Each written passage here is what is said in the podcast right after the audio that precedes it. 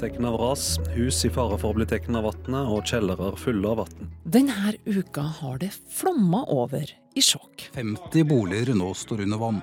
Nå prøver jeg å berge bunaden min. Det har flomma over i Fortunsdalen. De kan ikke annet enn å se på.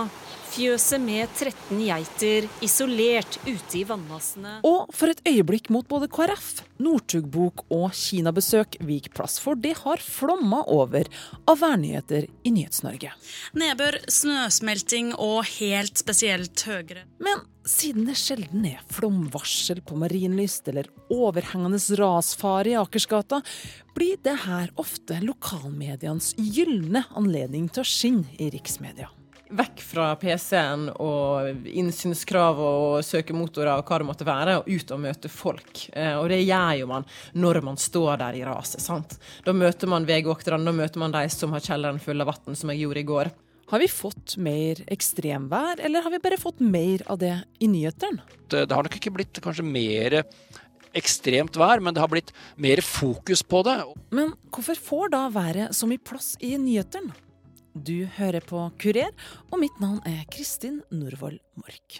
På rett spor når vannet trekker seg tilbake igjen.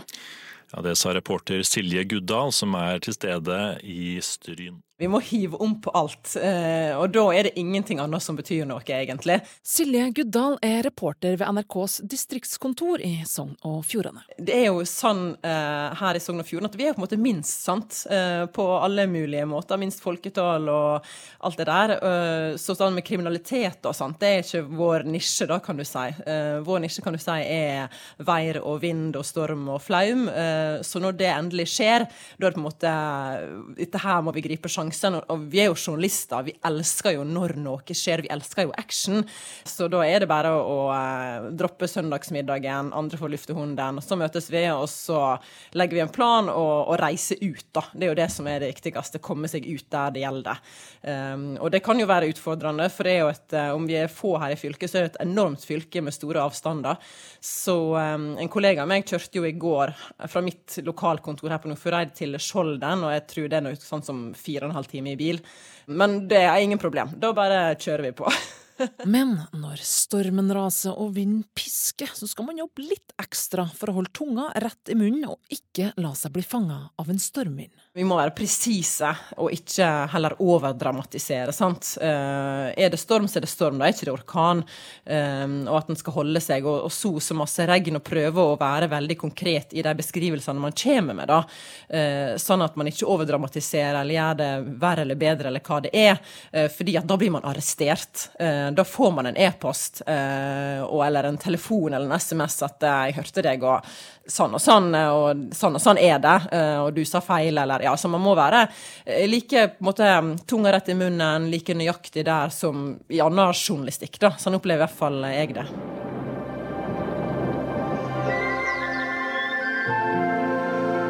TV 2 har helt siden starten adskilt nyhetene og været med en reklamepause. Men som flomvann sniker seg inn i en kjeller, så glir været stadig vekk inn i norske nyhetssendinger. Men når blir egentlig vær nyheter? Jeg spør Silje Hovland, redaksjonssjef i TV 2 Nyhetene. Vær er en nyhet når det angår mange og måten vi lever på, og det får konsekvenser for uh, hvordan vi lever og har det hjemme. Så det kan være alt fra høststormene på Vestlandet til flommen på Østlandet og vinterstormen i nord og altfor mye snø i sør. Eh, hetebølger over hele landet. Altså, det kan være så utrolig mye. Eh, og straks det angår fryktelig mange, og vi blir opptatt av det, eh, og det er unormalt i forhold til hva som er det vanlige været, så faller det under nyhetskriterier. Er det visse egne nyhetskriterier for ekstremvær som dere balanserer ut ifra når dere holder på å vurdere skal det her inn i nyhetssendingene våre, eller skal vi la det være? Det er jo litt som mye av det andre man holder på med. Du må jo ha en slags sånn viktighetskriterium, da. Eh, og er det viktig nok, så får det plass. Eh, og vi i TV 2-nyhetene er jo ganske opptatt av å speile det som vi opplever folk, våre seere, er opptatt av i det daglige. Eh, og sant å si så er jo det ofte ganske mye vær, altså. Ja, for det leder meg til neste spørsmål. Hvor opptatt er vi nordmenn om nyheter om været? Vi nordmenn er veldig opptatt av nyheter om været. Eh, og vi er generelt veldig opptatt av vær uansett. Eh, og det vi ser er at eh, når det nærmer seg helg, når det nærmer seg høytid, ferier, sommerferie, påskeferie, juleferie, så blir vi enda mer opptatt av været enn vi er til vanlig. Vi ser det på seertallene, spesielt på nyhetskanalen. Morsomt eksempel. Jeg husker ikke helt hvilken høststorm det var, men da gikk meteorologene ut og sa fra morgenen av at stormen, uværet, treffer norskekysten klokka 14. Og det sa vi i mange timer på nyhetskanalen. Uværet treffer klokka 14. Seertallene våre gjorde et kjempehopp klokka 14. For da hadde folk fått med seg dette treffer klokka 14, da skal jeg se på. Og når stormen treffer, enten det er klokka 14 eller 23, så mener redaksjonssjefen at TV er som skapt for værnyheter. Jeg tror det har med å gjøre at vær er så visuelt for oss. Derfor fungerer det veldig veldig godt i et TV-medium. Metervis med snø, snøstorm, eh, det står på, sjøsprøyten fyker, reporteren står der i vind og vær eller i elvevann til brystet, alt dette her som, som disse bildene som vi jo ser for oss. Min mann fortalte at han hadde en kollega som skulle skynde seg hjem fra jobb, for han skulle se uværet på nyhetskanalen. Det var hans plan den ettermiddagen. Så det, vi vet jo at det er en forventning der ute om at uh, dette dekker vi, og at vi dekker det så bredt at det her kan du sette deg ned og, og se på det på TV. Uh, og det liker nordmenn, for å generalisere litt, da. Så da prøver jo vi å levere på det. Noen uvær er godt varsla, mens andre kommer mer kasta over oss. Hvilket stoff må vike fra nyhetssendingene når uværet tar over store deler av sendeflata? De minst viktige må jo da vike. Hvis været blir så ekstremt, eller en så stor del av nyhetsbildet angår så mange, så vil jo det rydde plass for seg sjøl. Det blir jo bare en del av den vanlige nyhetsvurderinga som vi gjør fra dag til dag. De viktigste sakene vil alltid få plass, og er været viktig, så så vil det eh, få den plassen det fortjener. Eh, men vi vil jo vil nok ha flere sånne eh, hendelser i tida framover. Når man får mer energi. Geologiprofessor Jostein Bakke, som vi hører her i tirsdagens utgave av NRKs Nyhetsmorgen, er langt ifra den eneste som advarer om mer ekstremvær i Norge framover. Og hvis klimaforskernes spådommer slår an, vil det da bli en høyere terskel hos TV 2s redaksjonssjef Hovland om hvordan værsaker som får bli nyhetssaker? Vanskelig å svare på. Ehm, det er sånn, kanskje blir det så mye ekstremvær at vi til slutt blir litt sånn lei av det? Er det litt det du tenker på? Det kan være at det bare må bli verre og verre før det får like stor plass som det det gjør nå, på en måte. At nå holder det ti kjellere oversvømmet, kanskje må vi opp i 50. Altså at, at, at uværet må bli verre, og konsekvensen må bli større. Kanskje vil det skje hvis det blir mer ekstremvær eh, i årene framover. Men det, det veit vi jo ikke.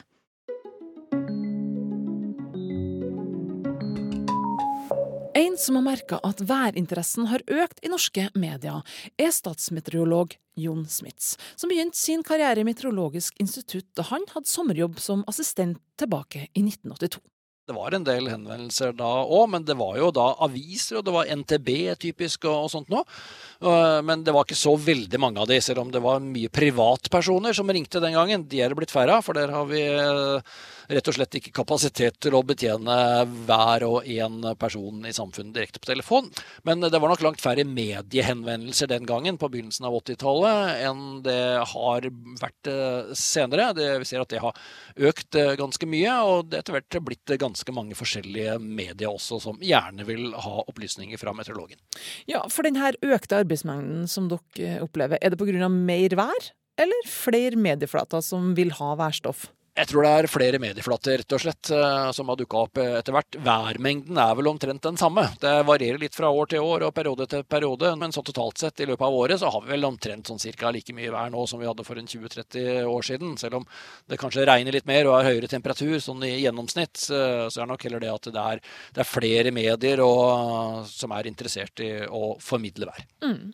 Men Du sier at vi har det samme mengden vær, men har vi fått mer unormalt vær, eller ekstremvær, eller hører vi bare mer om det? Vi har prøvd oss å telle litt opp og se har vi har vi flere sånne ekstreme værhendelser nå enn det vi hadde. Eh, nå begynte vi jo med disse såkalte varslene om ekstreme værforhold. Det begynte vi med i 1994. Før det så, så hadde vi ikke det. Men hvis vi går tilbake til 1994, da, så har vi litt over 20 eh, års uh, historikk der i hvert fall. Da ser vi at det, det, har ikke vært noen økning i antallet per år, men det er litt variasjon fra år til år. Men sånn, det er ikke noen, noen klar og tydelig trend. Det er nok det at det, det har nok ikke blitt kanskje mer ekstremt vær, men det har blitt mer fokus på det. Og Været vær har blitt mer tilgjengelig for, for alle. Uh, tidligere så kunne du høre det på radioen, du kunne lese det i avisen dagen etterpå. Nå har vi muligheten til å servere været direkte live omtrent, altså gjennom alle slags duppeditter som er kobla på nett. Du får det rett inn på smarttelefonen, nesten på klokka di, og på PC-en og nettbrettet og hva det måtte være. Ok, så flere medieflater, ikke mer ekstremvær. Men har vi fått flere værnyheter?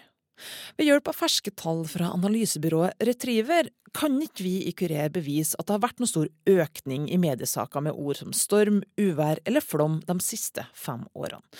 Men så langt i år har det vært en dobling i antall saker som omhandler hetebølge. Og saker om tørke har òg naturlig nok fått en markant økning fra tidligere år. Den forrige rekorden for ordet ekstremtørke ble satt i 2014 med 446 medieomtaler, men har så langt i år per 17. oktober 2018 blitt omtalt i 2141 nyhetssaker.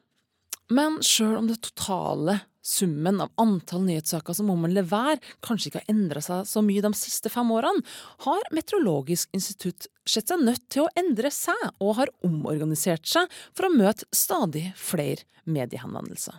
Det er riktig. Vi har vakthavende og det er den som står for selve varslinga. Så har vi hver dag en såkalt redaksjonsvakt. Altså vi har en, vi kaller det en vær- og klimaredaksjon som eh, rutinemessig produserer uh, nyhetsstoff og tar seg av i hvert fall mye av mediepågangen. Men når det da i tillegg uh, går mot skikkelig dårlig vær, så setter vi på enda flere folk. For da ser vi at da selv vakthavende meteorolog og redaksjonen vår har ikke kapasitet til å ta unna alt. Eh, og så oppbemanner vi også da på skal vi si, de publikumsrettede delene. At vi, vi setter på ekstra folk, slik at vi har folk som kan ta unna telefonene. Og skjerme den som er vakthavende meteorolog, så den kan grave seg ned i det rent faglige, gjøre grundige analyser og vurderinger, og sørge for at værvarslene i seg selv også blir best mulig. Mm. Det høres jo ut som at dere eh, både sant, gjør det rent faglige, men òg du sier redaksjon. Da er det liksom, dere er jo litt av nyhetsprodusent sjøl, virker det som. Har det økt eh, i større omfang enn eh, tidligere hos dere? Ja, det er noe vi ikke drev med så mye før, men eh, for noen år siden så begynte vi å publisere værstoff på Twitter f.eks., og det har eh, blitt, veldig populært. Og blant annet er det mange i media som bruker eh, det vi lager på disse Twitter-kontoene.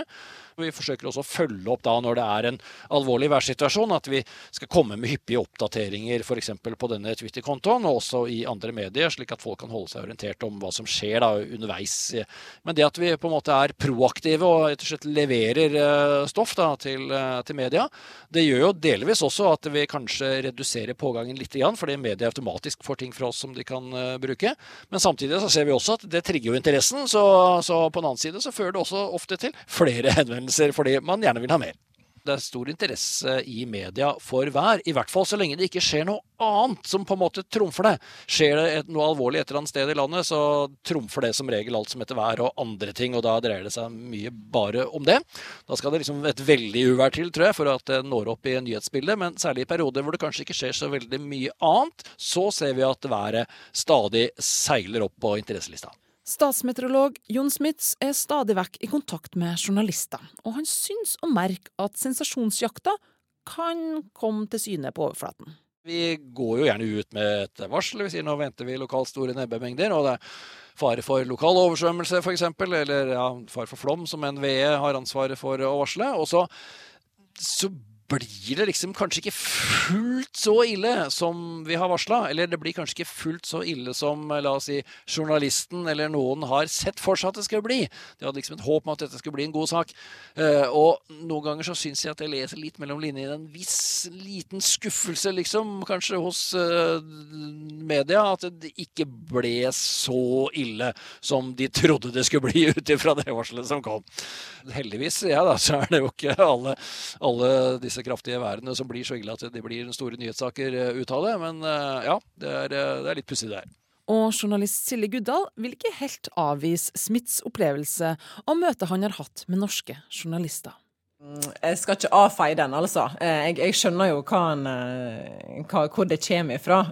For vi har jo ofte mobilisert til at bakvakt, sant? for nå kommer det orkan, og så gjør det slett ikke det. sant? Det var ikke ei trampoline som rørte på seg. Etter hvert som nå tida har gått, sant? og det går noen år, så ser jeg nå at det, det kommer nok, nok veier det gjør det. Eh, og så har man møtt disse som jeg nettopp var inne på, de som faktisk da opplever konsekvensene av dette været. Eh, og da blir man litt også lettelse at åh, det, det, gikk bra denne gangen. Så vet man òg at det går bare noen uker eller noen måneder, så kommer det noe annet. Så den her skuffelsen, den, eh, den kjente jeg kanskje mer på før. Nå er det mer at OK, det ble ikke så gale, og det var fint for de som bodde i det området, da.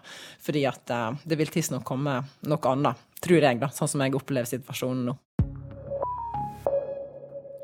Utafor høstvåte Bergen sitter stipendiat i klima og kommunikasjon ved Universitetet i Bergen, Katrine Duarte, og skriver på sin neste artikkel, med foreløpig tittel Warmer, Wetter and Wilder.